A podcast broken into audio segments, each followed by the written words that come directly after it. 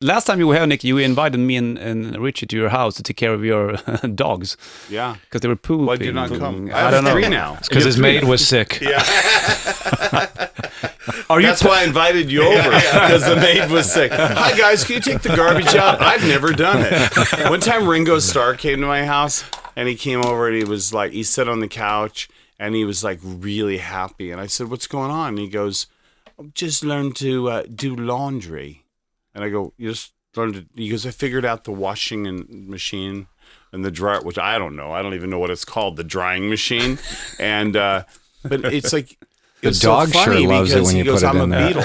He goes, since I've been a little kid, I've never had to do anything. And then he got to this place where he got sober and he goes life All right. together. So I I think it's sometimes funny. Like in in my life, my wife said to me uh, to take out the garbage, and I was completely offended. I was like, Right. what? Like that, and she goes, "No, no, I'm not asking. I'm saying take out the garbage." So I didn't know, you know, really quite how to do, how to do it because I've been on the road since I've been yeah, like, yeah. you know, Where the I'm the age of opposite. DJ's wife. I used to build houses. I'm like a workman. He can do anything. I, I love James taking. I love anything. like it's weird. I get off tour and I go right in and and It's my wife's like just leave him alone for a good week or two, and I go. I'm like fixing windows. Oh, really? Yeah, but yeah, I'm just the just handyman. yeah. Are you the handyman of Sixx:A.M.? Oh well, I don't know about 6 a.m., but definitely, definitely, James it's is very the best thing I've ever hands-on. learned is uh, house shit. You know, speaking of like rock stars cleaning and ha- you know, for instance, um, Ringo learning how to do laundry. I was working with Blondie, and I I had a home studio, and we were in L.A. and uh, and sh uh, Debbie and I were were working for probably a, about a month together, maybe maybe a few weeks, and I was in the studio. And uh, she was taking a little break. I, she left the studio for a little bit, and I was working on some mix or something. And all of a sudden, I hear like clanking and dishes, and I'm thinking, "What's going on?" So I, I leave the studio. I walk into my kitchen. Debbie has cleaned my entire kitchen. Really? Yeah, it's literally. awesome. She and, and I was just like, Debbie, what are you doing? She was, oh, it's just kind of messy in here. Oh, Just could you move in, spotless." please? Have you ever noticed That that, was we such do, a- don't do that? she still lives in our house. yeah, exactly. She's still there. Uh, she was. She's an awesome. She's singing awesome Heart woman. of Glass while doing the glasses.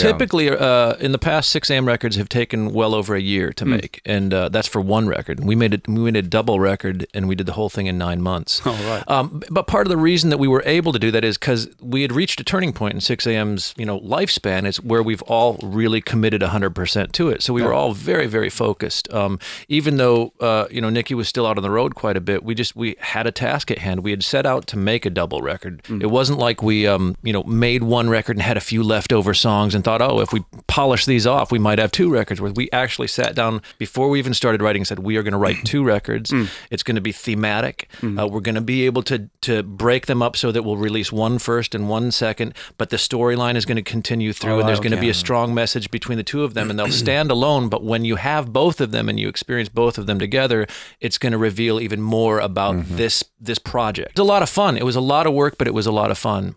That's good. I'm a, Brilliant idea until we got halfway into it and realized how much oh, yeah, there, there was a point. There was a point where we were like, like I'm Oh, never doing God. another double record for and and here's the thing. This is this is the thing. You know, we're, we're very fortunate that we are so close, and that we can sometimes have these like amazing songwriting days that are beyond anything we've even had. We had we had a, a couple three songs in one day days, right. and I think we had did we have one that was a, almost a four. I think, but Mm-hmm. it- what I'm saying is the songs were really flowing, and and you know to think about that, something was happening internally with the band. Yeah. So now you have 28 songs written and kind of idea lyrically, as Mm. probably a chorus melody. Okay, that's like fantastic. Mm. But now the task at hand is to finish them and to make each one individually special. Mm. What do you do with you know Rise? What do you do with you know um, you know you've come to the right place? Like how do they all sound different and unique? Tw- 22 songs Yeah, coming. yeah. You can't be like,